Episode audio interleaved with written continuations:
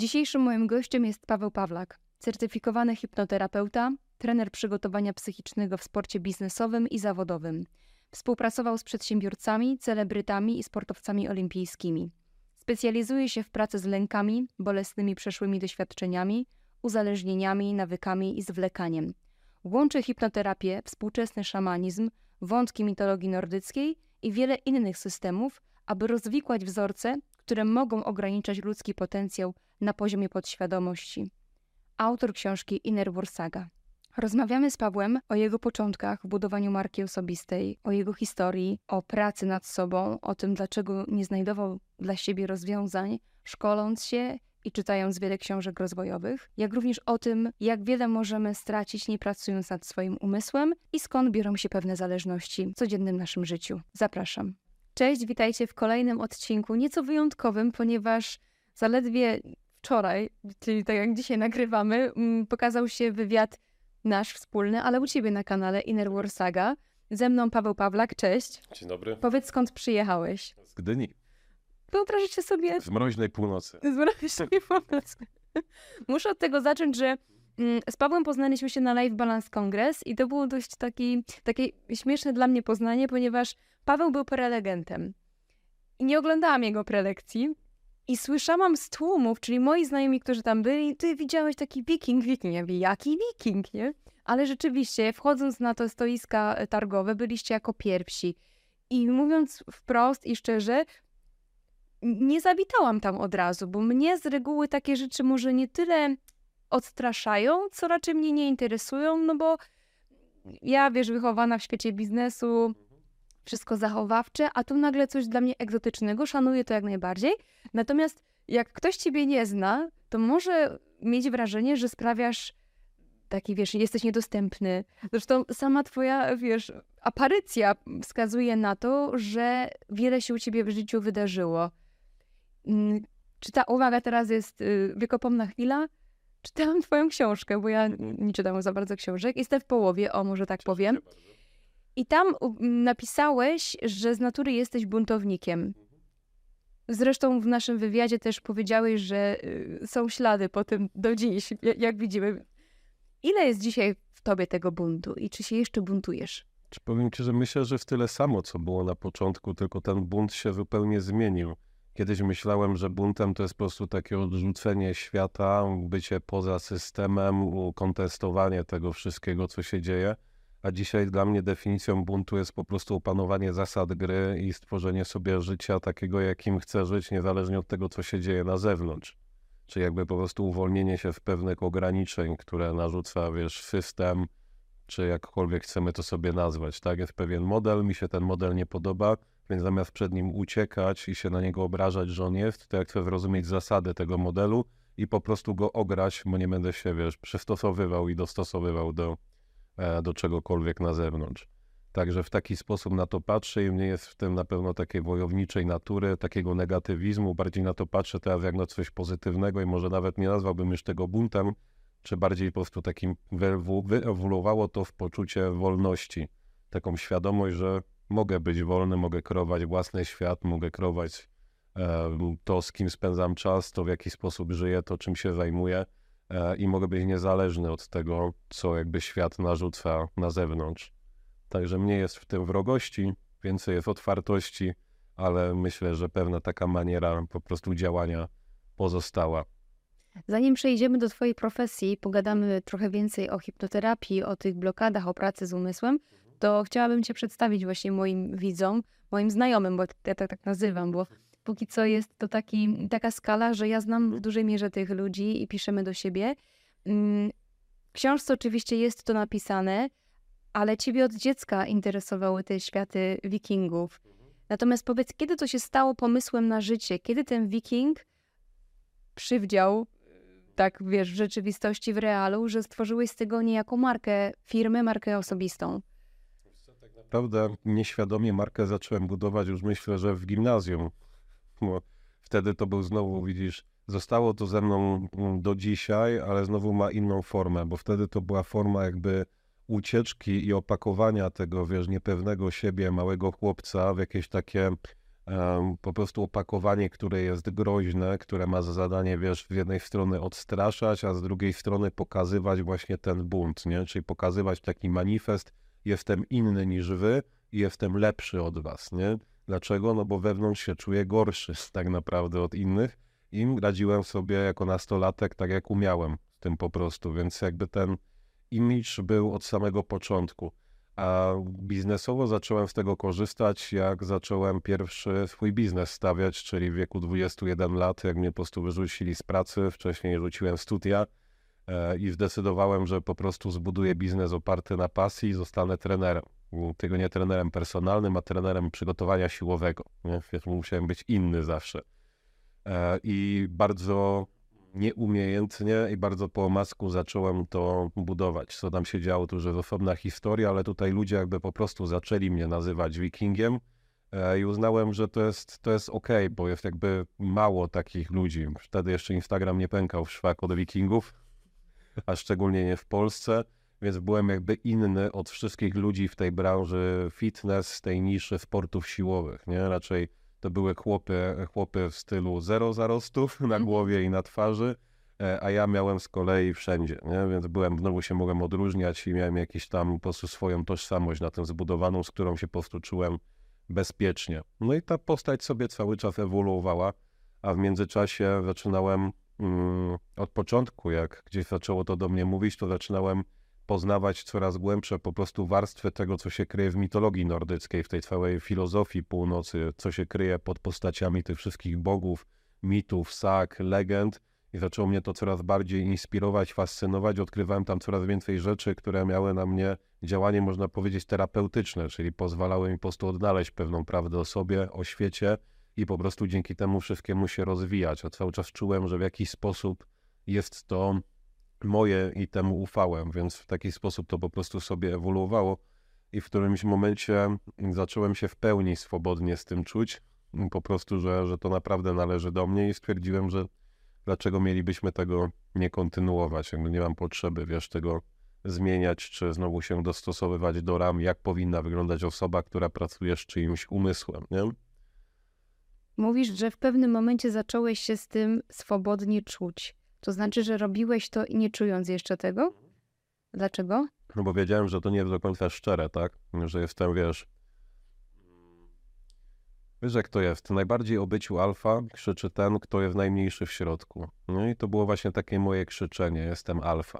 Nie? Że jestem twardy, nie możesz mi podskoczyć, nie boję się ciebie. Musiałem to robić, bo czułem, że taki wcale w środku nie jestem. Czułem się mały, czułem się wystraszony, niepewny siebie, niedostatecznie dobry, więc wiedziałem, że nie jestem w tym spójny i bardzo się bałem sytuacji, w których może zostać to obnażone. Na przykład za mało lata zacząłem stać na bramkach, to tam zacząłem być bardzo szybko weryfikowany. I po prostu bardzo mi było głupio sobie patrzeć w lustro, kiedy zdawałem sobie z tego sprawę, że tak reżyserowałem różne sytuacje w klubie, żeby zawsze być z kolegami na przykład, nie? Żeby nigdy nie zostać samemu, i nie musieć się faktycznie sprawdzić, jak nie mam backupu. Więc to była ta niespójność i to była to, to uczucie, że to nie jest do końca moje, że bardzo bym chciał się stać tą osobą. A potem jak się stałem, to zrozumiałem, że to jest zupełnie czymś innym niż się wydawało. Że po prostu zamiast e, mieć tą potrzebę na przykład nieodczuwania lęku, potoczyło się to w taki sposób, że zrozumiałem, czym jest lęk i się od niego uwolniłem. To jest trochę coś innego. No, kiedy zobaczysz po prostu rzeczy takimi, jakimi są, to przestajesz od nich uciekać w miejsce, gdzie ich nie czujesz, a po prostu widzisz, że nigdy nie było się czego bać. Rzeczy są jakie są, wszystko jest tak, jak ma być i jest po prostu okej. Okay. A to daje taki naturalny, głęboki spokój, w którym po prostu jesteś i nie potrzebujesz się uspokajać, nie potrzebujesz wiesz, używać żadnych technik do tego, żeby się trzymać w ryzach, żeby trzymać się dobrych torów, tylko po prostu jesteś tą osobą. Znowu z perspektywy czasu wszystko było tak, jak miało być i wszystkie te doświadczenia pozwoliły mi dotrzeć tu, gdzie jestem. Zobaczenie tego wszystkiego daje, daje tak naprawdę taką prawdziwą, głęboką pewność siebie, bo wiesz, że zawsze tak naprawdę realizujesz swój cel, chociaż czasami tego nie widzisz. Trochę stworzyłeś taką historię w stylu fake it till you make it, nie? Że najpierw zacząłeś myśleć, zachowywać się, ubierać się w taki sposób, a, a teraz dzisiaj jesteś na maksa z tym spójnym. Spójny. To powiedz, jak reagowało twoje najbliższe otoczenie, rodzice? Mhm. Wiesz co, mój ojciec odszedł bardzo wcześnie, miałem chyba 19 lat, mam słabą rachubę do lat i do dat, nie pamiętam kiedy to się dokładnie wydarzyło, bo żadnych rocznic nie pamiętam, e, więc e, jakby on, mój, mój, ojciec e, wychowywał się, e, zahaczył jeszcze wychowaniem o lata 80., e, więc był też w tej epoki, kiedy, kiedy heavy metal stawał się popularny, więc jakby czuł ten klimat i sam był fanem wielu zespołów, których ja zacząłem słuchać ale z drugiej strony miał takie spojrzenie na to, że generalnie w jego czasach metalowcy to byli raczej takie mm, e, banda penerów po prostu, nie? Taki odpowiednik, odpowiednik trochę chuliganki, tylko w inny sposób, nie? W sensie jakby niziny społeczne, nie? I e, jego to po prostu raziło, nie? Że to było towarzystwo za jego czasów, które po prostu chlało, rozbijało się o koncerty, ale z drugiej strony co za komuny można było robić, nie? Mało było opcji, dużo mniej niż dzisiaj. Więc jego to raziło, tym bardziej, że widział, że idę w tą stronę, no bo jak poszukujesz siły, to idziesz siłą rzeczy w tą stronę. Zadymy, alkohol, dziewczyny, rock and roll, nie? E, natomiast moja mama była zawsze bardzo taka akceptująca, jakby myślę, że trochę też się bała mnie oceniać, no, bo, bo, też miała swoje tematy, wiesz, do zrobienia i, e, i wiesz, ją w kolei rodzice dojeżdżali, więc E, więc jakby nie chciała tego zrobić mi, więc można powiedzieć, że miałem względny luz, jeżeli chodzi o moje różne, różne odpały w domu. Jakby nie byłem na pewno krytykowany za to, jak wyglądam, czy, czy nie czułem się nigdy w żaden sposób odrzucony, że, że, że jestem w jakiejś tam subkulturze, czy inaczej po prostu wyglądam. Tym bardziej, że ta muzyka też w domu nie była po prostu obca, więc tak to wyglądało. A dalsza rodzina szybko się nauczyła, że nie ma, nie ma jakby sensu zwracać mi uwagi, bo i tak nie posłucham. I tak zrobię po swojemu. A jak mi powiedzą coś w stylu, to nie przyjeżdżaj, to nie przyjadę, nie? że, że szantaże emocjonalne nie działają raczej. Czy, powiedziałeś jeszcze wcześniej, że, że ciężko było ci się odkryć. To jednak, czy były w ogóle takie momenty, gdzie pokazywałeś swoje prawdziwe ja, tego małego Pawła, który potrzebuje być zaopiekowany, zaakceptowany? Czy stworzyłeś taką żelazną kurtynę przed wszystkimi?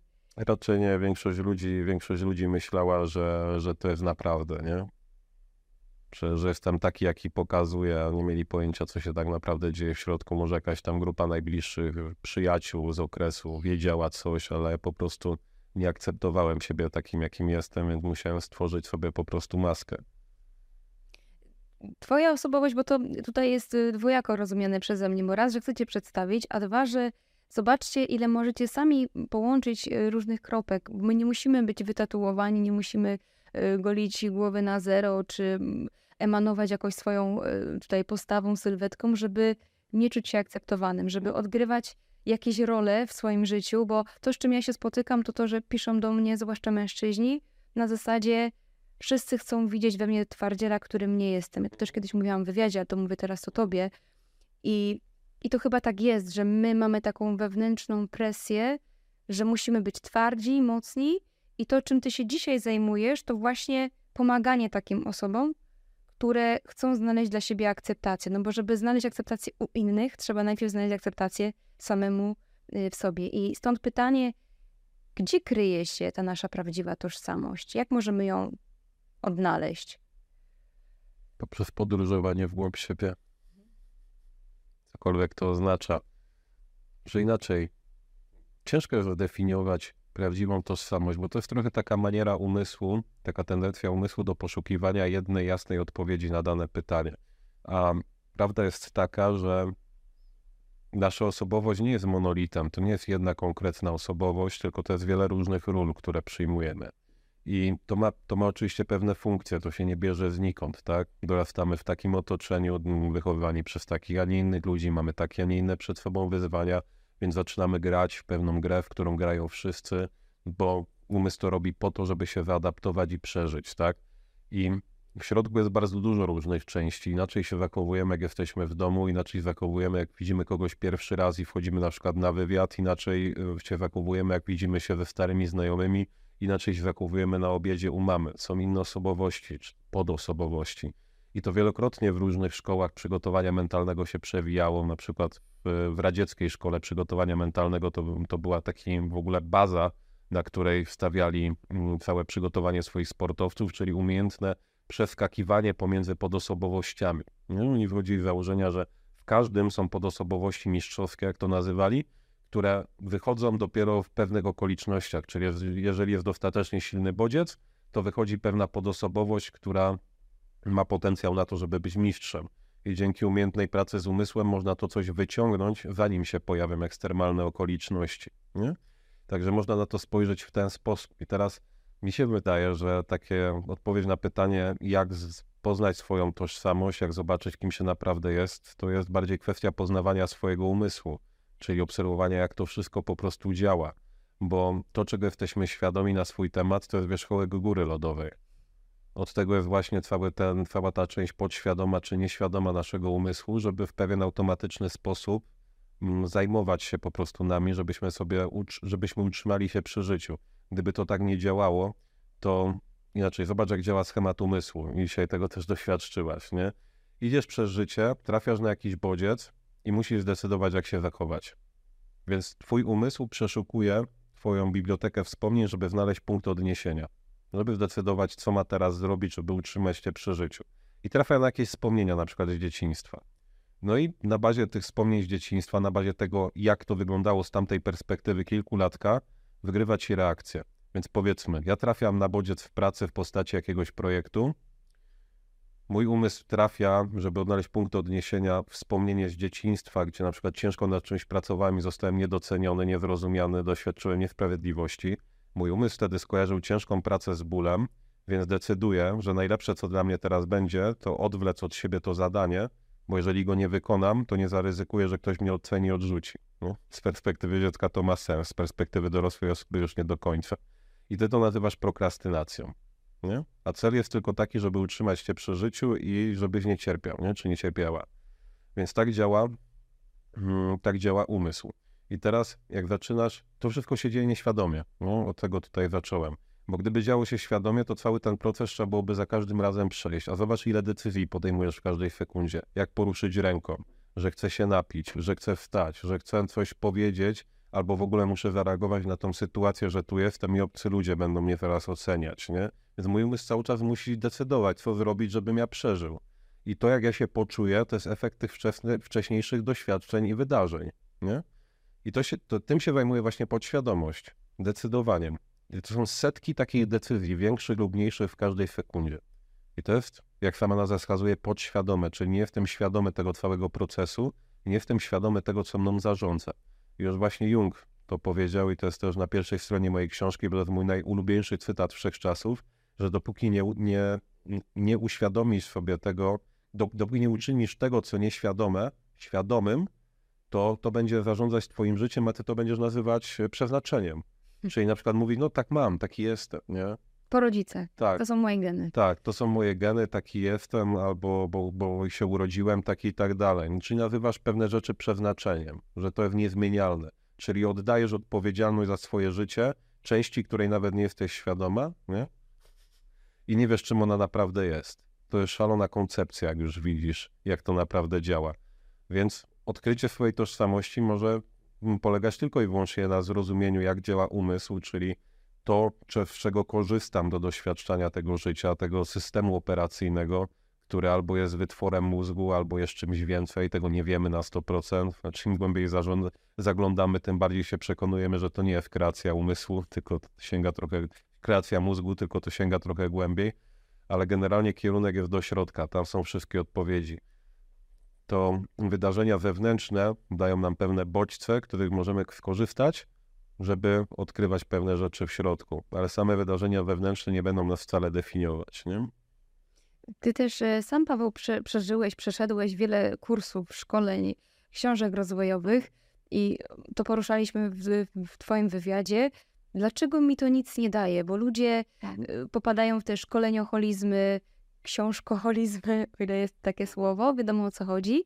Natomiast ten ich twardy reset nie następuje. No bo jeżeli cały czas wpajamy w siebie wiedzę, a nie mamy znalezionego tego źródła problemu, zachowań i tak dalej, no to nie jesteśmy w stanie kompletnie się zmienić, nie? I stąd też może mm, taki, taki może osąd, dlaczego mi nic nie daje, dlaczego mi nic nie pomaga. U ciebie dokładnie tak było. Znaczy może inaczej, dlaczego nie daje w tym momencie? O, kiedy Bo- potrzebuję. Bo dzisiaj, dzisiaj wszystkie, całą tą wiedzę, którą kiedyś zdobywałem i mi nie działała, to z powodzeniem, wiesz, wykorzystuję.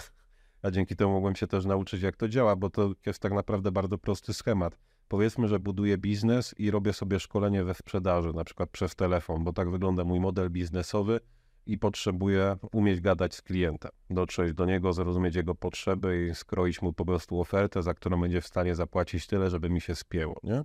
No i kupuję sobie szkolenie u jednego ze specjalistów. To szkolenie jest obiektywnie bardzo dobre. E, ma po prostu świetne techniki, świetne zrozumienie, ale ja biorę telefon i dukam, albo w ogóle go nie wykonuję. No to wtedy mogę powiedzieć, że szkolenie generalnie nie działa. Ale czy naprawdę szkolenie i wiedza nie działa, czy ja nie działam? I teraz pytanie, czemu ja nie działam? Hmm?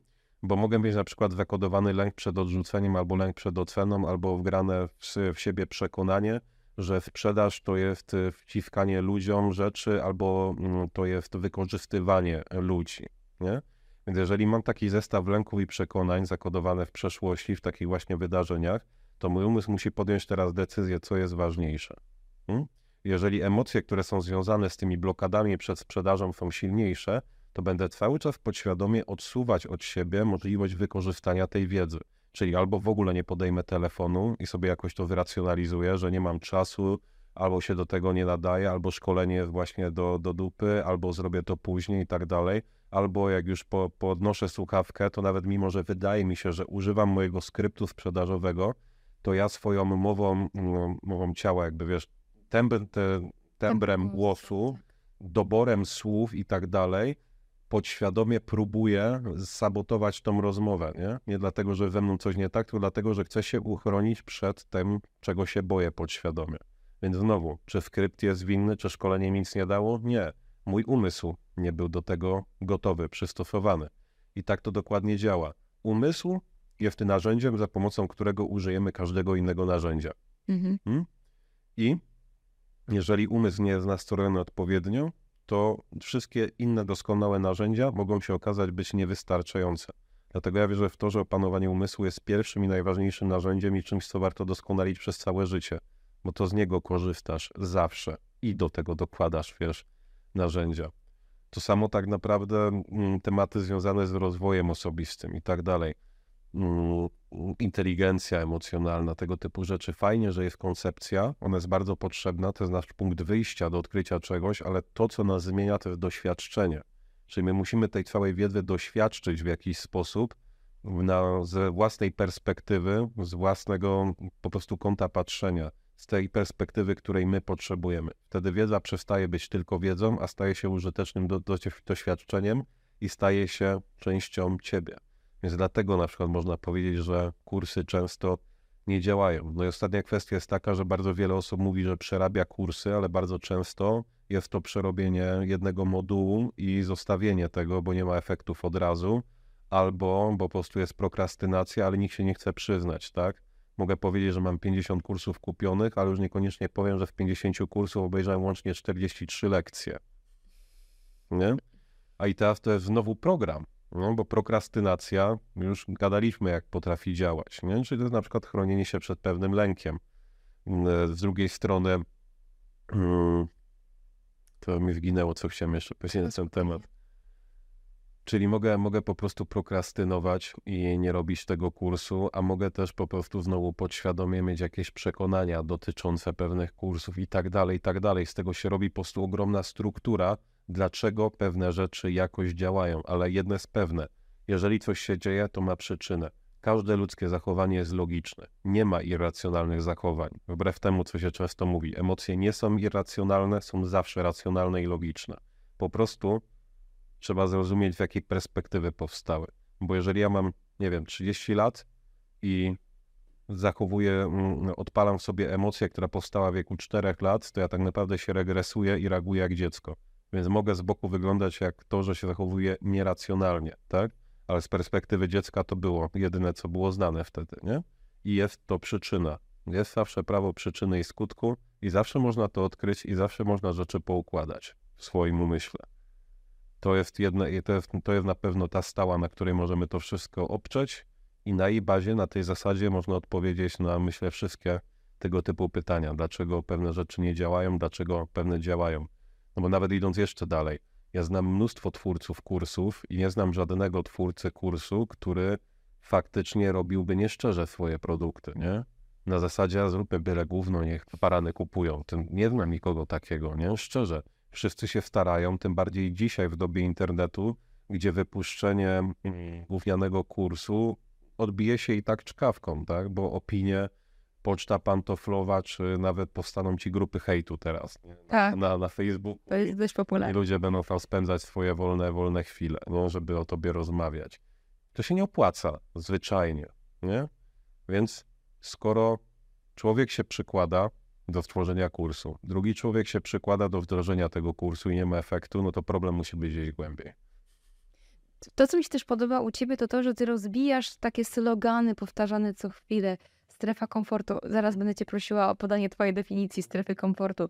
Teraz coraz więcej się też mówi o pracy z podświadomością. Niektóre osoby mają już tego serdecznie dość. I ja to też rozumiem, bo jeżeli ktoś nie jest gotowy, albo po prostu jest to wypowiadane z ust osoby, która nie ma, żadnej, nie ma żadnego autorytetu, czyli wiemy, że jej życie jest totalnie rozwalone. To jest najgorsze, wiesz, że jak ktoś mówi, jak masz żyć, a sam ma u siebie pełni niepoukładane sprawy, czyli zadbaj najpierw o swój ogródek, dopiero później idź dalej. I to jest dość częste, nie? U, też u szkoleniowców, że może intencje są dobre, tak jak mówisz, ale jednak u siebie tego nie, nie widzimy.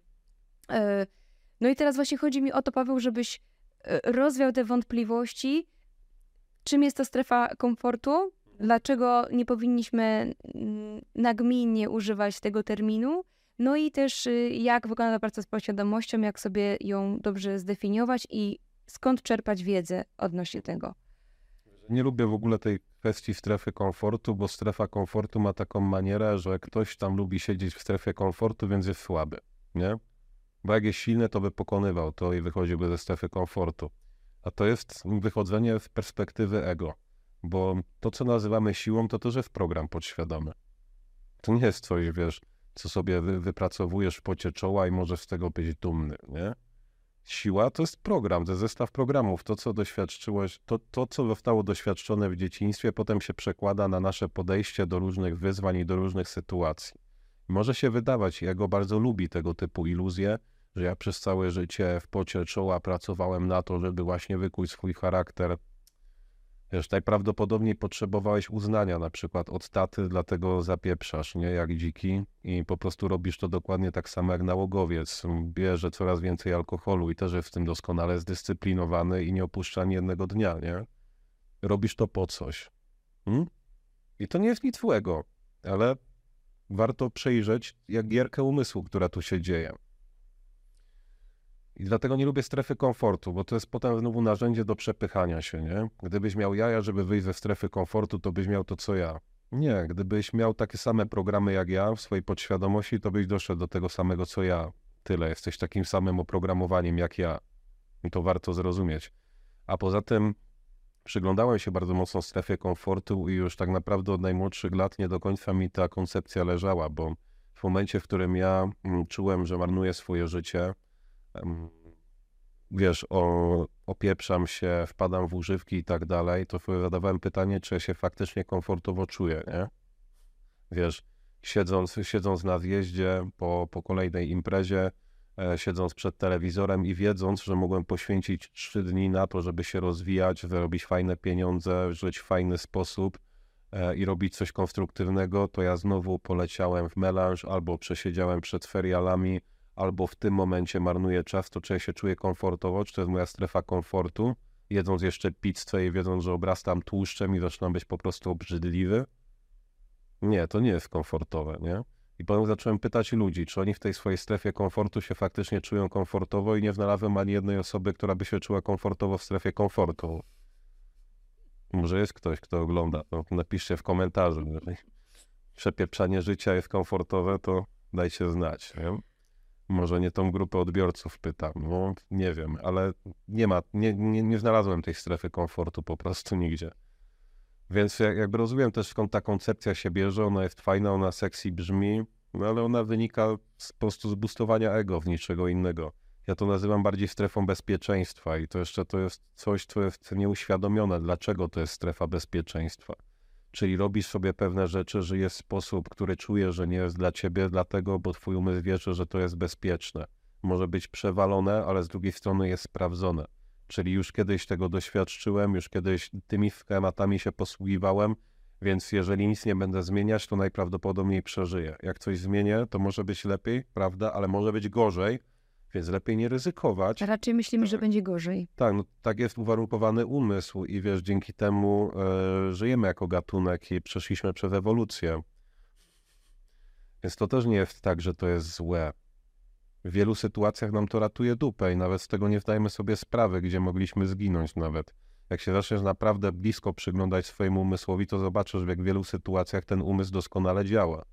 Nie? Ale to jest właśnie kwestia uświadamiania sobie, co się dzieje. Bo wszystko to, o czym mówię, można sprawdzić. Wystarczy zamknąć oczy i zacząć obserwować, co się dzieje w środku. I to jest najlepszy dowód na to. To można odnaleźć po prostu wewnątrz siebie. Więc to jest bardziej strefa bezpieczeństwa, czyli utarte schematy, które niekoniecznie będą spójne z naszymi świadomymi celami, ale są, mają jakąś przyczynę. Więc teraz, jeżeli chcesz to zmienić, to trzeba znaleźć przyczynę i zrozumieć siebie. Bo jak próbujesz się na siłę ze sobą przepychać, to prędzej czy później dojdzie do tego, że albo wejdziesz totalny brak satysfakcji z tego, co robisz, albo wejdziesz w poczucie wypalenia, w poczucie depresji, albo zacznie system wywalać korki w postaci kompulsywnego obiadania, napadów lękowych, które się nagle pojawiają, e, nerwicy i tak dalej, i tak dalej. Tego, na co mnóstwo ludzi dzisiaj cierpi i zajada to tabletkami, bo nawet nie rozumie, czemu to się pojawiło, nie? Mało tego, jeszcze jak ktoś, załóżmy, jest otyły, ja sobie z tego zdaję sprawę i dokładnie wie, co mu nie służy, czego nie powinien robić, to z uwagi na to, że o tym wszystkim wie, i wie, że ma problem, to dalej w to idzie i jeszcze głębiej, jeszcze głębiej, jeszcze głębiej. Hmm. No bo to jest silniejsze. Wszyscy rozumiemy to, że na przykład alkoholikowi nie wystarczy powiedzieć, ej stary, no ale to po prostu przestań pić. On wie, że to jest złe. No wie, że to jest złe. I jakoś nie może sobie powiedzieć, nie? Tak samo jest z jedzeniem, tak samo jest z seksem, tak samo jest z zarabianiem pieniędzy.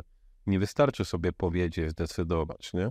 kumamy to przy alkoholu, ale już na przykład przy jedzeniu nie do końca. No weź się nie obżeraj, stary, nie? Co za problem. Albo kumamy to przy alkoholu, ale nie kumamy tego przy pracoholizmie. Nie? To, to, właśnie pokazuje, jak działa umysł, w jakie pułapki to wszystko wpada. One tylko i wyłącznie wynikają z niewiedzy, z braku świadomości, jak działa ten cały system. Mhm. Przed chwilą właśnie mówiłam o tej podświadomości jeszcze, Paweł, bo stały się modne książki Potęga Podświadomości, czy sekret, czy jeszcze jakieś inne. I ludzie myślą, że je, je, są dwie grupy, powiedzmy. Oczywiście pewnie jest kilka, ale ja wyodrębnię dwie. Ta, która w to wierzy i której to być może pomogło, i ta, która uważa, że to jest totalny bullshit. I że jak tylko słyszy hasło podświadomość, to od razu odwraca się napięcie. No i wiem, że w dużej mierze są to też y, ludzie w biznesie, którzy uważają, że okej, okay, miarą wyniku jest efekt, to co ja mam na papierze. Też tak uważam. Miarą wyniku jest efekt. Czy ja mówię, miarą prawdy jest efekt. Ja, ja, się nie dziwię, no bo podświadomość weszła do mainstreamu, zawsze jest taki trend, że jak coś wchodzi do mainstreamu, to najpierw jest podjarka, potem jest to po prostu spłycone strasznie, powstają mity, pojawia się dużo niezrozumienia, E, wypływają e, różni, wiesz, wannabe, gwiazdorzy, sceny. Ten schemat się po prostu powtarza tak, że aż to jest nudne tak naprawdę, jak kolejne rzeczy wchodzą, więc potem się musi e, spolaryzować na obozy, które są diehard fanami, na obóz, który jest wrogiem, a potem to uchodzi, że tak powiem, z uwagi, pojawia się nowa podnieta i wszyscy znowu za tym idą i przeżywają temat, nie? Nie dziwię się, że to tak wygląda. Mm, bo tak wszystko wygląda, co się staje popularne, ale jeżeli chodzi o wizualizację i prawo przyciągania, znowu kwestia jest tak naprawdę prosta, jak mamy zasady. Prawo przyciągania to jest po prostu pewien sposób nazywania rzeczy. Jeżeli wolisz narrację rzeczywistości, że wszystko jest energią, że wszystko jest pewnego rodzaju wibracją, to używaj tej narracji. Jeżeli wolisz narrację, że wszystko jest materią i tylko to, co potwierdza nauka, jest rzeczywiste, weź sobie tą narrację. Jeżeli wolisz narrację, że wszystko jest umysłem, tak jak w buddyzmie, i że wszystko jest tak naprawdę iluzją i zdanie sobie z tego sprawy oświeceniem i to jest nasz cel, weź tą narrację. Bo koniec końców miarą prawdy będzie efekt, bo jedyna prawda to jest twoja prawda. Nie ma żadnej innej prawdy. Nie?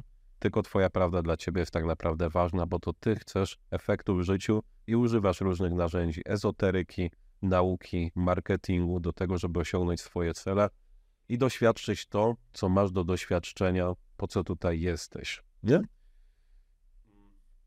Więc można to nazwać prawem przyciągania, można to nazwać wizualizacją, można to nazwać programowaniem podświadomości, można to nazwać treningiem mentalnym, można to nazwać jakkolwiek, to nie ma znaczenia. W tym, co przeszło do mainstreamu z kwestii mm, podświadomości, jest tylko jakby jedno narzędzie z ogromnej gamy narzędzi. I to narzędzie zakłada, że jeżeli wizualizujesz sobie pewną rzeczywistość, pewną przyszłość, to jakby ją przyciągniesz, przyciągniesz do siebie albo zaprogramujesz się w tą stronę, żeby to po prostu osiągnąć. Niezrozumienie numer jeden polega na tym, że nie wystarczy tylko myśleć, żeby się rzeczy wydarzyły, bo to tak niestety nie działa. Drugie niezrozumienie polega na tym, że żeby faktycznie przyciągać do siebie rzeczy, teraz o mechanizmie możemy pogadać, bo on wcale nie jest ezoteryczny, tylko jest bardzo, bardzo jakby przyziemny. E, żeby przyciągać pewne rzeczy, to musisz być osobą spójną z tą wizją. Nie? Czyli przykładowo, jeżeli sobie wizualizujesz to, że podpisujesz deal na bańkę, ale wewnętrznie czujesz, że nie zasługujesz na ten deal, to to się nie wydarzy. Bo dlaczego miałoby się to wydarzyć? To nie jest spójne z Twoimi przekonaniami, lękami i schematami. Więc jeżeli wyjdziesz poza swoje schematy, to ryzykujesz. Tak? Więc to się nie wydarzy. A jeżeli masz spójne programy z tym, to zwiększasz prawdopodobieństwo, że to się wydarzy. A dlaczego? Bo zobacz, rozmawialiśmy o tym, że o większości decyzji, większość decyzji podejmuje podświadomość. Jest to jak wierzchołek góry lodowej, to co jest świadome w umyśle, jest ogromna ta ciemna strona, która jest nieuświadomiona i która cały czas sobie działa jak taki superkomputer. Ja wizualizacji mogę użyć do tego, żeby pokazać kierunek mojemu komputerowi, chcę tutaj dojść. I teraz cała ta machina, która i tak ciągle decyduje o pewnych rzeczach, zaczyna się nastrajać na to, ok, znajdźmy drogę tam. To jest spójne, mniej więcej, z tym, kim jestem, nie muszę się tutaj niczego bać. Ok, to chyba jest bezpieczne, dobra, idźmy tam, nie? i znajdziemy na to sposób. Bo możesz nie mieć pojęcia o tym, jak coś osiągnąć, ale twój superkomputer cały czas analizuje pewne rzeczy, nie? I to działa, zaczyna działać trochę tak jak w eksperyment z monetą, nie? Jeżeli sobie zaczniesz wizualizować dwuzłotówkę i naprawdę będziesz mieć taką szczerą chęć odnajdywania tych dwuzłotówek i wiarę w to, że on będziesz je odnajdywać, to prawdopodobnie zaczniesz je coraz częściej znajdować na chodniku. I teraz powstaje pytanie, czy ty kreujesz te dwójki, czy one zawsze tam leżały, bo ludzie je gubią, a ty po prostu zamiast siedzieć w telefonie albo patrzeć za dziewczynami, to patrzysz cały czas chodnik i nawet nie zwracasz na to uwagi, że gdzie indziej patrzysz. I dzięki temu odnajdujesz, przyciągasz nie, do siebie dwójki. I to samo może dotyczyć okazji biznesowych. Kiedy wizualizujesz sobie pewien sukces i jesteś spójna z tym sukcesem, to może się okazać, że zwracasz uwagę na zupełnie inne rzeczy niż do tej pory że komu innemu czujesz, że chcesz podać rękę, że inny film wybierasz. Wewnętrzny żeby radar. Tak, nastrajasz swój wewnętrzny radar, mhm. nie? Więc możesz na to po prostu w ten sposób popatrzeć, że tak, to wszystko działa, a możemy wejść, wiesz, dużo głębiej, na przykład w perspektywę, wiesz, szamanizmu i tak dalej. I to też jest zupełnie czymś innym niż się wydaje, jak w to wejdziesz głębiej. To jest branża jak każda inna. I też to, co widać na wierzchu, to nie ma nic wspólnego z tym, co jest pod spodem zawsze, kiedy oceniasz coś z wierzchu, to wydaje się, wiesz, głupkowate, płytkie i niepoważne. Ale tu wchodzą też znowu, wiesz, schematy ego, porównywania się, potrzeby bycia lepszym, potrzeby rozumienia lepiej rzeczywistości od innych. Ja im głębiej w to wchodzę, tym mniej to wszystko rozumiem tak naprawdę, nie? Bo znowu to, o czym gadamy, to jest wierzchołek góry lodowej. To jest taki zachęcenie, żeby faktycznie zobaczyć, co się dzieje w środku umysłu, bo to, czym jest faktycznie świadomość i rozwój, tego się nie da słowami opowiedzieć, nie?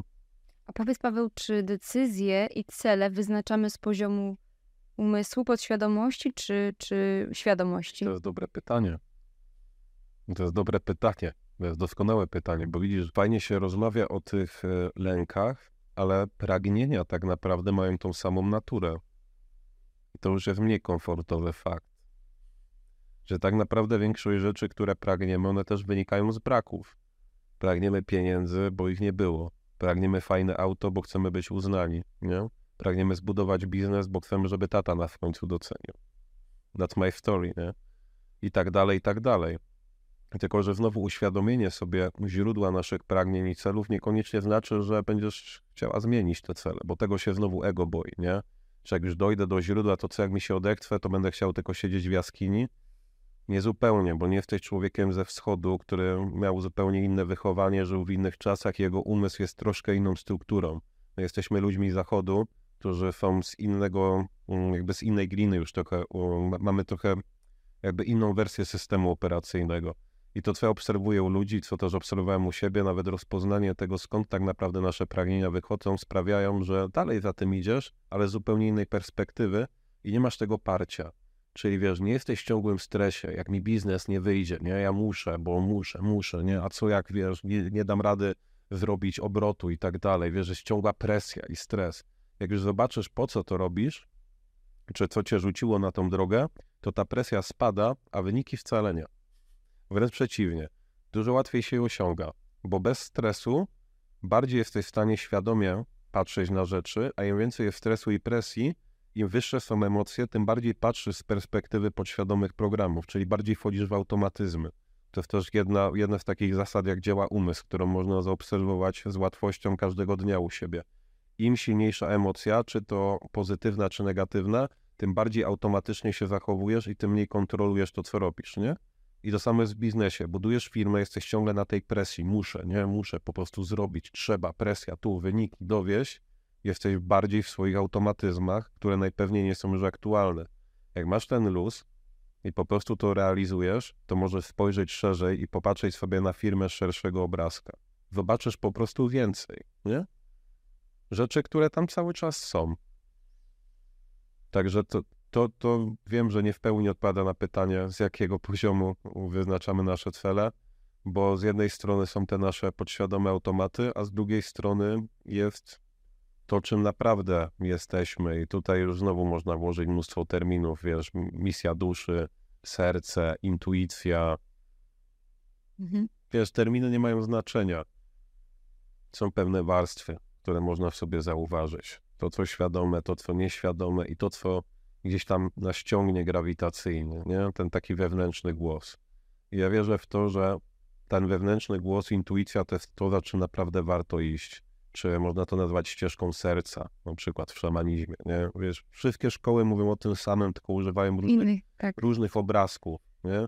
Ludzie się zabijają o obrazki zamiast patrzeć na sens, nie? Tak z religiami, nie? Urywają sobie łby za to, że ktoś je mięsa, a ktoś nie je, albo ma jakiś obrząd, a nie skupiają się na tym, co naprawdę jest pod spodem. To samo jest z filozofiami, to samo jest z branżami. Wszędzie jest dokładnie o tym samym. Więc warto iść za intuicją, a głos intuicji jest tym silniejszy, im mniej jest, im mniej jest, im mniej jest automatyzmów. Czyli im bardziej sobie uświadamiamy, jak to naprawdę działa, im bardziej się uwalniamy od tych starych zarówno lęków, jak i dzikich pragnień, uzależnień, przywiązań, e, schematów myślowych, tym wyraźniejszy jest głos tej intuicji, tego po prostu poczucia przyciągania, nie? W pewnym kierunku. I kiedy z tego poziomu robisz, to jest to prawdopodobnie coś, co jest twoje. A kiedy to nie jest z tego poziomu i kiedy ciągle jest to walką gehenną, to prawdopodobnie nie jest to do końca czyste, nie? Ale czy to źle? Nie.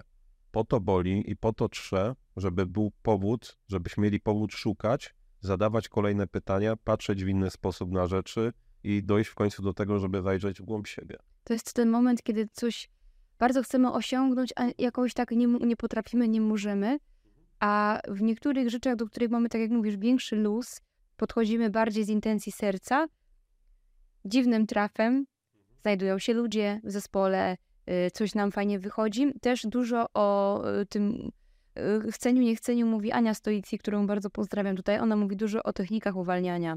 I właśnie jeżeli mówisz, że chciałbym mieszkać za granicą, chciałbym mieć Ferrari, to wszystko jest właśnie z tego deficytu. Y, I, I owszem, ludzie osiągają te cele, mają te samochody, tylko później pojawia się pustka, totalna pustka.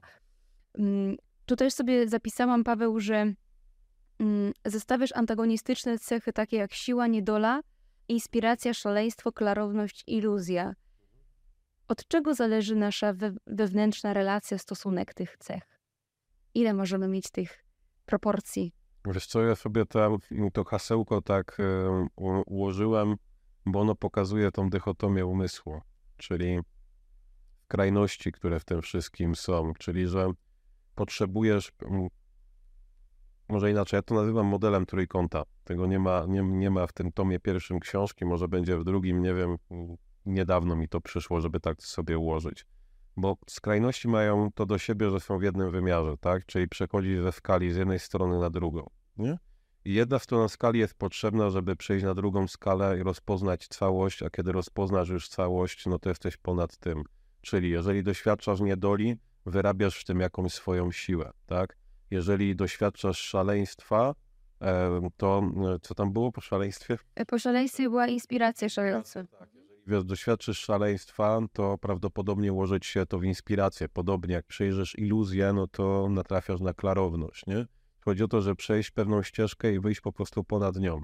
Czyli wszystkie doświadczenia są potrzebne, żeby rozpoznać, jak rzeczy działają, żeby mieć pewne doświadczenie, które cię zabiera po prostu do całkowitego zrozumienia, o co w tym wszystkim chodzi. Są tematy, które ciężko, wiesz, po, położyć słowami, bo to jest bardziej coś, co można tylko poczuć. Jak już tam jesteś, to wiesz, no tak, to jest to, o czym gadaliśmy wtedy, albo o czym tu, albo, albo tu e, się przeczytało, tak? Geniusze byli szaleńcami przecież. Tak się mówi. Tak. Bo po prostu jest to taki inny sposób myślenia, że nie da się tego wyrozumieć, nie będąc na, w tym samym miejscu, nawet nie poziomie, bo nie lubię też tej terminologii poziomów i tak dalej. To jest ciągłe, wiesz, porównywanie za porównywaniem, mhm. nie, szukanie punktów odniesienia. Y, mówisz, Paweł, że budzisz śpiących. To w jaki sposób to robisz? Jakbyś mógł powiedzieć, y, jak, albo, albo inaczej, z drugiej strony, co tracą takie osoby, które nie pracują z umysłem? Nie wiem, czy coś tracą. Nie wiem, po co tutaj są tak naprawdę. Jeżeli jest ktoś, kto zna wyższy sens tego wszystkiego i wie, po co naprawdę się rodzimy na świecie, to on pewnie potrafi odpowiedzieć, czy ktoś coś traci, czy nie. Czy może wszystko się dzieje tak, jak się ma dziać. Mhm. Nie? Ale w tym budzeniu śniących mi chodzi o to, że sen jest doskonałym nauczycielem, jak działa umysł. Jeżeli się przyjrzysz tylko temu, co się dzieje w czasie snu, każdej nocy masz doskonałą okazję do tego, żeby po prostu to rozpoznać. Jeżeli nie pamiętasz snów, to wystarczy wyraźna intencja, żeby te sny pamiętać i je zapisywać zaraz po obudzeniu. I umysł się tego nauczy w ciągu kilku dni. Zacznie to robić, przynajmniej jeden sen będzie każdej nocy. Ale do sedna. Kiedy wchodzisz w sen, to przyjmujesz za pewnik swoje senne ego i nie pamiętasz tego, kto śni ten sen. Tylko nagle się pojawiasz w jakimś otoczeniu, jesteś sobie kimś, uważasz, że jesteś sobą, nawet tego nie podważasz, czy jesteś sobą, czy nie jesteś sobą, i po prostu akceptujesz warunki, które wokół ciebie są. Czyli jesteś w jakiejś sytuacji, musisz przed kimś uciec, musisz coś znaleźć, musisz do kogoś dojść i po prostu też tego nie podważasz, że po prostu musisz to zrobić. I to robisz. I przechodzisz przez ten sen, nie pamiętając tego, kto ten sen śni. I teraz możesz to przenieść na po prostu wyższą perspektywę, tak? Czyli przenieść to do rzeczywistości. Bo wydaje się, że we śnie dzieją się inne rzeczy niż dzieją się na jawie. Co jest tylko i wyłącznie złudzeniem. Kiedy przyjrzysz sobie, jak wygląda życie, mm, to możesz zauważyć, że wcale dużo więcej nie jesteśmy świadomi w rzeczywistości niż jesteśmy we śnie. My też sobie wyśniliśmy jakiś obraz siebie na bazie jakichś wcześniejszych doświadczeń, stworzyliśmy jakieś ego, które jest fikcją totalną. Tak jak ten mój obrazek wikinga. Nigdy go nie było, tak? Teraz też go nie ma. To jest po prostu jakaś bajka, która jest wokół tego wszystkiego utkana. Jest jakiś po prostu Paweł, który jest wynikiem, zlepkiem rodziców, którzy są zlepkiem dziadków i to wszystko jest jeszcze podsypane mm, doświadczeniami, społeczeństwem, szkołą i tak dalej. E, I z tego jest wykształcony jakiś zestaw schematów i punktów patrzenia na pewne rzeczy. To jest twoje ego, nie? I nie podważasz tego w ogóle. Znaczy większość ludzi nie podważa. No po prostu jestem taki, jaki jestem, nie? I nie wiesz, czego to wynika, że taki jesteś, nie wiesz, skąd się wziąłeś tak naprawdę. I idziesz sobie przez życie i masz jakąś misję, nie? Trzeba skończyć szkołę, trzeba robić karierę, trzeba wziąć kredyt, nie? Trzeba coś tam, trzeba na wakacje jeździć, nie? Trzeba mieć Instagram, trzeba mieć to. To jest tak samo jak w tym śnie. Trzeba uciec przed kimś, kto mnie goni. Nie podważasz tego w ogóle, nie? Po prostu idziesz, bo tak jest. I wydaje ci się, że są jeszcze twoje cele, to jest sen. Sen na jawie, czyli sen, którym... Czyli znowu sprowadzamy się do tej iluzji, o której wcześniej mówiłeś. O tej narracji Tak. iluzjonistycznej. Mhm. Okej. No więc tak naprawdę na tym polega sen na jawie. Tylko znaczenie znowu tego, tej koncepcji sen na jawie to jest dużo głębsze niż się może wydawać, jak się zaczyna tego doświadczać. A łatwo jest to po prostu zrozumieć na bazie porównania ze snem, no bo tutaj mamy realny sen, tak? Tak naprawdę to, co robi umysł we śnie, się nie różni niczym od tego, co robi na jawie, poza tym, że świadomość w czasie snu wycofuje się ze zmysłów i po prostu nie przetwarza inputu ze zmysłów. Jest tylko, jest tylko mm, oparcie na, na, na programach umysłu.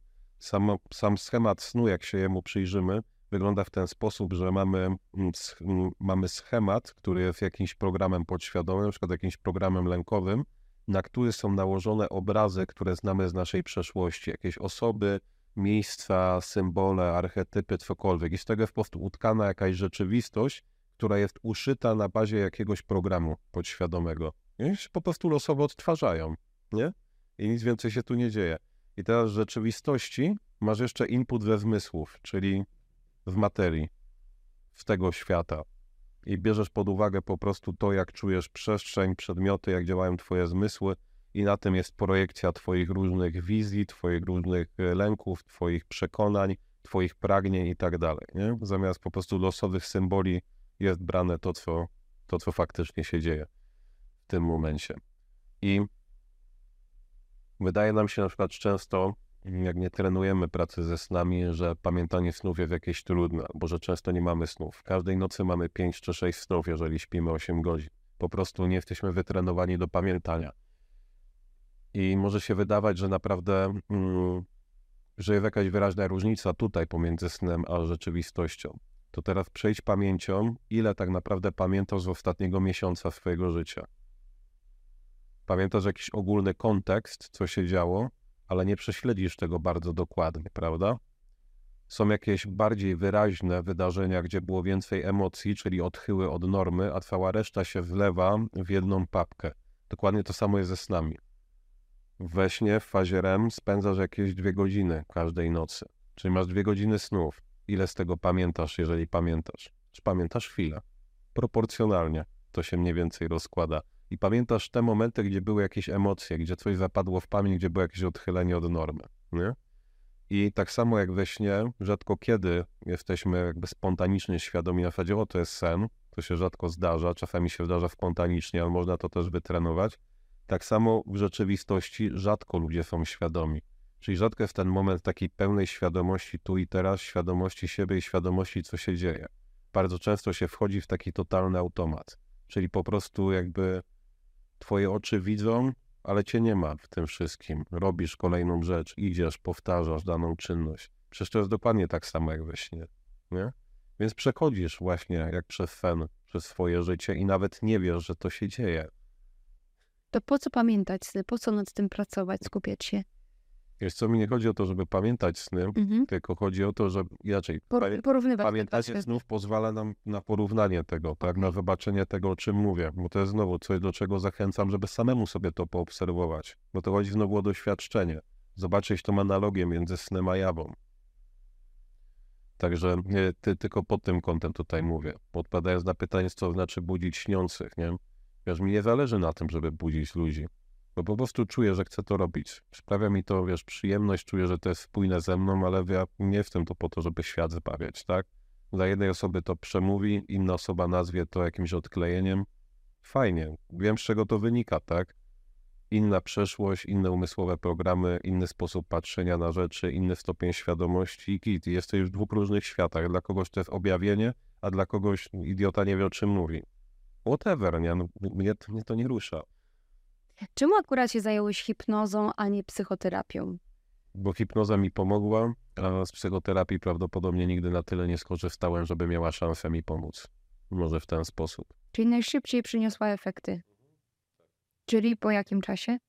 Wiesz co, dla mnie niepiorunującym wrażenie zrobiło po pierwsze moja, pier moja pierwsza, mój pierwszy kontakt z hipnozą zrobił na mnie piorunujące wrażenie, bo pod wpływem jednej sesji wróciłem do sportu po wielu latach e, braku startów i takiego trenowania w kratkę.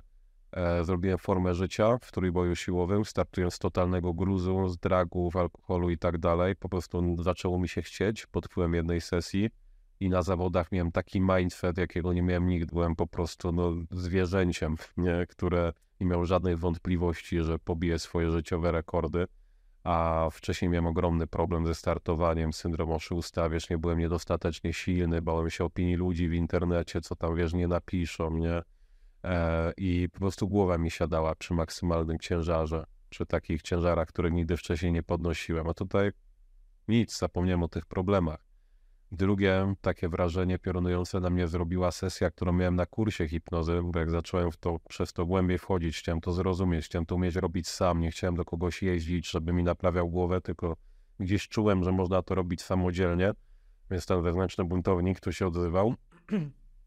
Zacząłem po prostu czytać książki, kursy robić i tak dalej, szkolenia, wszystko co mi wpadło w ręce, jeżeli chodzi o podświadomość e, i na kursie, który robiłem, takim zawodowym z hipnozy, pracowaliśmy z uzależnieniem. Nie? nie było takie uzależnienie na zasadzie, że zawsze musiałem coś e, ładować, bo alkohol u mnie w moim życiu wyglądał tak, że sięgałem po niego tylko jak było dobrze. Jak było źle, to zawsze byłem tym, kim chciałem być, czyli byłem zdyscyplinowany, zwarty, hmm. E, zdecydowany i robiłem robotę, jak tylko wychodziłem na prostą, to wtedy się pojawiał alkohol, kokaina i tak dalej. Czyli na laurach jak spoczywałeś? Trochę. To jeszcze nie były laury, to było za wcześnie na laury. To był ten moment, gdzie mogłem przeskoczyć na kolejny poziom, jeszcze chwilę bym docisnął i coś się działo. I tak w kółko, nie? To pracowałem właśnie na kursie, chciałem zobaczyć, jak to naprawdę działa mm, z koksem, nie? Z kokainą. I po tak naprawdę trzech miesiącach naprawdę częstego używania kokainy w tym okresie, ja po jednej sesji przestałem w ogóle wąchać, przestałem mieć potrzebę. Ja jeszcze tego samego dnia, gdzie miałem tą sesję, wylądowałem na imprezie z moimi znajomymi i miałem pod nosem talerz z koksem. I mówię, ty, nie mam potrzeby. A ja nie umiem odmówić kiedyś, nie? No było hmm. choćby, żeby jedną gdzieś tam, nie kurtuazyjnie, musiało być, jeżeli ktoś mi pokazał towar, nie? A tutaj patrzę na to i mówię, ty, ale to nie jest tak, że ja że ja wiem, że nie powinienem i dlatego nie biorę, ja nie mam żadnej potrzeby, tu się dzieje magia. Ucieszyłeś się z tym. Tak. Mówię, co tu jest, bo ja przez długi czas nie chciałem temu ulegać, bo widziałem, co mi to robi z życiem, tak?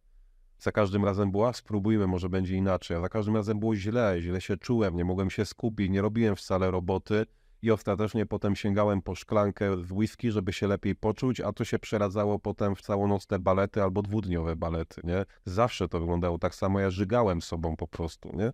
Jak na siebie patrzyłem. Ile, ileż razy można to samo robić, nie? I tutaj jest jedna sesja dojścia do prawdziwej, pierwotnej przyczyny, dla której się pojawiły dragi w moim życiu. Co to było? Możesz powiedzieć? Brak akceptacji, brak miłości, tego typu rzeczy. Możemy rozwinąć trochę bardziej skomplikowany temat. I teraz mam to przed, przed nosem. Dzień wcześniej chciałem i nie mogłem się powstrzymać. Dobę później patrzę na to i nie rozumiem, czemu miałbym to brać. To jest magia, nie? Chcę to naprawdę zrozumieć teraz i naprawdę chcę to robić, bo to, to jest w ogóle game changer. Tylko żeby nie było, że to faktycznie jedna sesja i wszystko można rozwiązać, bo to tak kolorowo nie wygląda. E, te używki do mnie wracały jeszcze kilka razy na tej bazie też zaczynałem rozumieć, jak naprawdę to wszystko działa, że um, tematy mają wiele różnych poziomów, na które stajemy się coraz bardziej gotowi w ramach naszego rozwoju, że odkrywamy kolejne warstwy, kolejne zrozumienie tego wszystkiego i to nie jest tak, że hipnoza to jest stryknięcie i wszystkie problemy się rozwiązuje, a terapia to jest kilka lat i że to jest, wiesz, gorsze. Ja w ogóle tego nie porównuję do siebie. To jest dla mnie bezcelowe. Są dwie różne rzeczy. Znam ludzi, którzy bez psychoterapii, a z hipnozą zrobili taką robotę, że historia.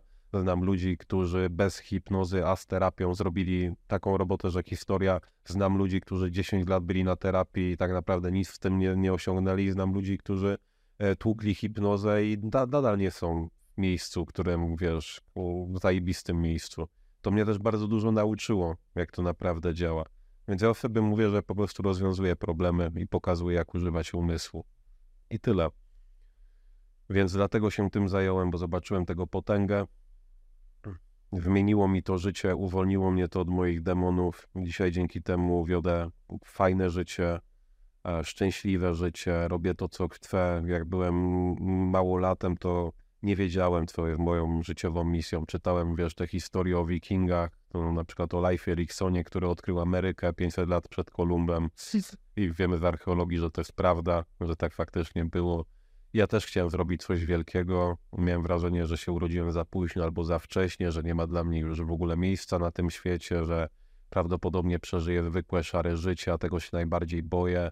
E, i wszystko się wydawało być zbyt duże i to jest dla mnie chyba największa wartość, że odkryłem dzięki temu w ogóle powołanie życiowe. Zrozumiałem, że to będzie taka moja właśnie Ameryka do odkrycia, czyli ludzki umysł na swój własny sposób. I to jest chyba największa wartość, bo to, że się pojawiły pieniądze, jakaś tam niezależność, że się pojawiła jakaś firma i tak dalej, są fajne dodatki, to jest super, nie? Można trochę lepiej sobie grać w tą rzeczywistość, ale chyba to właśnie poczucie połączenia z samym sobą jest największą wartością w tym wszystkim, że to, to czym się miałem zajmować, tak jakbym odkrył coś, do czego byłem zawsze stworzony i wszystko, co było wcześniej, było przygotowaniem się do tej misji. Wszystkie te doświadczenia były potrzebne, żeby połapać, jak rzeczy działają i dzisiaj być w stanie pomóc ludziom. I po prostu również usuwać te ograniczenia. Jak dobierać ludzi do zespołu? Patrząc na was, to jesteście wszyscy jak trochę kalka, bo y, musielibyście zobaczyć e, ekipę Pawła. Mm, naprawdę super. Macie podobne fryzury. Więc jakie, jakie wymogi trzeba spełnić, żeby współpracować z Inner War Saga? co tam na froncie właśnie Jakub i Leszek, którzy faktycznie mają te same fryzury co ja, reszta chłopaków nie ma. Okej, okay, ja tylko poznałam właśnie reszta, Leszka i Kubę. Reszta dziewczyn też nie ma takiej fryzury. Ale wam plotą yy, warkoczyki. Tak, plotą na warkoczyki. Jest co, to jest tak naprawdę połączenie takiego biznesowego podejścia, czyli show me what you got, e, z ostatecznym głosem, który idzie z czucia. Czyli jak ktoś ma nawet super kompetencje, ale nie mam feelingu, albo jak komuś brakuje trochę kompetencji, ale mam mega feeling, go in, nie? Coś, co, po coś jesteś, nie wiem po co. Może niekoniecznie po to, żeby rozwinąć biznes, a może po to, żebym ja się czegoś nauczył, nie? Także jak mam feeling, biorę. Trudno, nie? W pierwszej kolejności patrzę po, po pewnych wyznacznikach, a, ale ostateczny głos mają flaki. Ja się nigdy nie przejechałem na tym. A jak się przejechałem, to po to, żeby coś ważnego sobie uświadomić i wiem, że teraz na mnie pracuje i stało, staje się każda taka rzecz moim aktywem po prostu. A co byś powiedział ludziom, którzy boją się sprzedawać swoją wiedzę innym, czyli mają know-how, dochodzi do tego wiele lat, i teraz budują zespół i boją się, że ten know-how zostanie zabrany i przeniesiony na swój biznes. Mhm. Czyli załóżmy, że twoi trenerzy otworzyliby sobie konkurencyjne um, szkoły, czy, czy w ogóle zabraliby klientów. Ja bym zobaczył skąd w ogóle ten lęk przed konkurencją. No bo czy jest naprawdę coś takiego jak konkurencja? Nie wydaje mi się. Wiesz, no nikt nie może ciebie podrobić, tak? Jeżeli ktoś wyniesie nawet twoją metodykę i zrobi ją w jakiś sposób po swojemu, nawet niech ją wkopiuje, to i tak to jest jakby, wiesz, nasączone jego energią, jego osobą. To jest coś innego. Ludzie przychodzą do marek osobistych po markę osobistą. Nie? W drugiej kolejności powiedzę, przychodzą, bo lubią ciebie bo czują twojego bluesa, nie? I czują to, że masz pewne umiejętności i oni chcą się nauczyć umiejętności po twojemu. Więc moim zdaniem w biznesach osobi takich no, opartych na marce osobistej nie ma w ogóle sensu się skupiać na, na, wiesz, na konkurencji. Ja do dzisiaj nie mam zielonego pojęcia, kto robi hipnozę w Polsce. To prawda, opytałam się Pawła przed wywiadem. Serio, ja nie znam nazwisk, bo znam tylko tych ludzi, z którymi miałem okazję pogadać, nie? Na zasadzie, o cześć, też to robię. No, fajnie, nie? Jak to robisz? Aha, tak, ja robię tak, świetnie, miło poznać. Możemy pogadać, możemy się wymienić, jakby wiesz. Po, po co mi, wiesz, wiedza o hipnozie w Polsce, skoro sam sobie ją robię i mam też ludzi, którzy, po, u których jestem na superwizji, nie? No to cie, ciekawe masz podejście, takie bardzo zdrowe, y, niepolskie czasami Jak, jak, wielu wiesz, jeżeli chcemy na to spojrzeć gdzieś tam biznesowo, no to ja mam ludzi zatrudnionych, którzy analizują rynek. No po co ja mam to robić? Ja chcę mieć dane, żeby podjąć decyzję, a i tak flaki podejmą decyzję, nie? Mhm. Bo wiesz, jeżeli robisz faktycznie coś, co jest zgodne z tobą, to nie potrzebujesz tak naprawdę. Nie potrzebujesz tak naprawdę się skupiać na tym, co robią inni, bo zawsze to zrobisz w inny sposób, nie? To, na czym się trzeba skupiać, to na potrzebach klientów, a nie na tym, co robi konkurencja, tak? Albo czy ktoś ci wykrada know-how. Jeżeli ty jesteś najlepszą osobą, która rozwiązuje w najlepszy sposób um, problemy danej grupy, to nie masz konkurencji, nie? Poza tym ludzi na świecie nie zabraknie. Pewnie jest trochę inna strategia, przy jak prowadzisz Molocha, tak, i masz, nie wiem, konsorcjum, konglomerat ogólnoświatowy, to pewnie trochę inaczej się na to patrzę. Na tym się nie znam, bo nie prowadziłem nigdy. Wiem tyle, co w książce Good to Great jest napisane, tak. I tam między innymi też jest napisane to, że nie ma nic o konkurencji w całej tej analizie. To dopytam cię jeszcze pod koniec, y, czy można się uzależnić od hipnozy? Albo od w ogóle jakichś metod terapeutycznych, bo mm, słyszałam o takich zależnościach, że y, ktoś się, jak, jak już psy, psychoterapeuta powiedział, że to już kończymy ten proces, tą sesję, tam załóżmy, że składającą się z kilku lat, to nagle jest takie wow, jak ja sobie poradzę bez tych narzędzi, bez tej osoby, jak ja to poukładam samodzielnie. Czyli Od wszystkiego się można uzależnić. No to bardziej wpadnięcie w iluzję czegoś, nie? Niż faktycznie uzależnienie od czegoś. No bo... Czy inaczej, pytanie, co to znaczy być uzależnionym? No bo czy ja sobie wyobrażam życie bez hipnozy? Nie. No bo jak mam to na przykład już żyć bez tego, skoro to umiem? Mhm. I skoro to jest po prostu sposób na wykorzystanie swojego umysłu. To jest, wiesz, tak jak, nie wiem, czy wyobrażasz sobie życie bez myślenia? Jesteś uzależniony od myśli, jeżeli nie. Wiesz, to jest dla mnie po prostu naturalny sposób radzenia sobie z problemami swoimi. Nie jest tak, że ja nie mam problemu, że nie odczuwam negatywnych emocji. Przykład wczoraj. Od paru dni miałem bardzo mocne pogorszenie jakby takiej energii, chęci do życia, czy nawet wiary w ogóle w ten projekt ale kiedy coś takiego się zaczyna dziać, to wiem, że muszę sobie wygospodarować godzinę, zamknąć oczy, wejść sobie w trans i popatrzeć, jakie jest źródło moich emocji, czemu się tak czuję, czemu straciłem misję, nie? I zaczynam zauważać, że na przykład symptomy już były, nie wiem, trzy tygodnie temu coś się zaczynało dziać, ale się nie zauważyło, bo tak właśnie działa ten umysł, nie? Człowiek nie uświadomił sobie wszystkiego, co się działo po drodze. Okej, to jest cenna nauka, ale tutaj coś się dzieje, pojawiają się takie odczucia, takie mam emocje, tak naprawdę tą emocją jest taka emocja i tak dalej, za tą emocją kryje się takie, takie wspomnienie, taki program, takie zrozumienie, to była taka relacja, zaczynasz układać klocki, nagle widzisz, no okej, okay, to jest taki lęk, tu jest to, tu jest to, okej, okay, puszcza, nie? I nagle się okazuje, że uświadomienie sobie tego wszystkiego daje ci zupełnie inne spojrzenie na firmę i daje ci zupełnie inny kierunek, który możesz teraz obrać i dobrze, że się to wydarzyło. Więc to jest po prostu inny, inny model operowania ze sobą, tak? Więc ja, kiedy to się dzieje, nie potrzebuję iść pogadać z mentorami, nie potrzebuję iść pogadać z kolegami, nie potrzebuję się z tego tytułu napić, nie potrzebuję wyjechać na dwa tygodnie wakacji, nie potrzebuję zwolnić trzech osób, nie?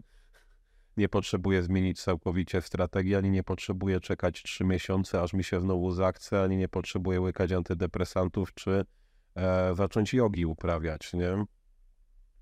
Po prostu zamykam oczy i patrzę, jakie rzeczy są, a czego nie widziałem do tej pory.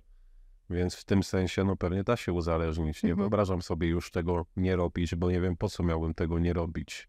Jeżeli chodzi o terapię, jeżeli wiesz, człowiek się czuje uzależniony od terapii, to znaczy, że na którymś etapie myślę, że zawiodło albo jego zrozumienie terapii, albo pokazanie przez terapeutę, czym tak naprawdę ta terapia jest. No bo w terapii chodzi o to, żeby uświadomić sobie też pewne rzeczy po prostu w inny sposób, tak, żeby nauczyć się siebie obsługiwać, żeby zaakceptować pewne rzeczy, poukładać sobie schematy i być w tym samowystarczalnym.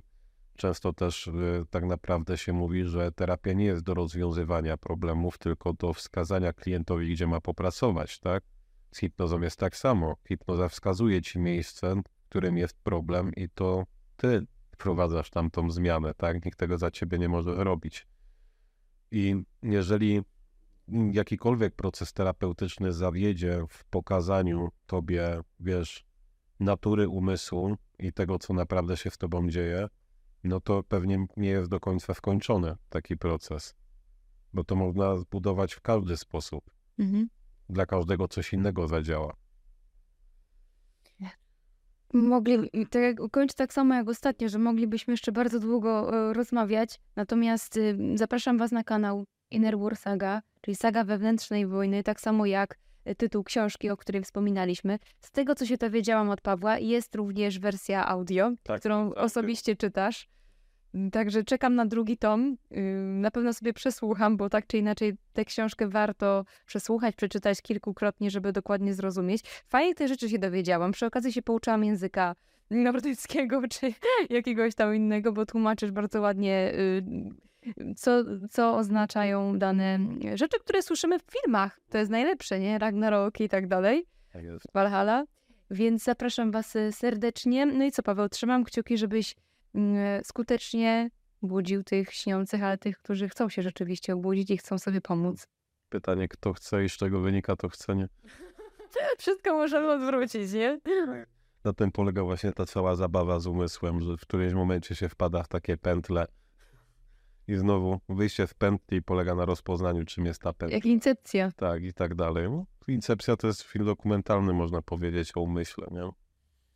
Pięknie. Kto, kto oglądał Incepcję, łapka w górę. Dzięki, ym, że przyjechałeś, dzięki za rozmowę, no i, i dzięki też za pomoc y, tutaj mnie osobiście przed, przed naszym wywiadem. Było to bardzo ciekawe doświadczenie. Zobaczymy, jak będą efekty wyglądały za 2-3 tygodnie, Dobra, Wow, bo jesteśmy świeżo po dzięki. Zobaczymy. Dobra, dzięki i Super. trzymajcie się.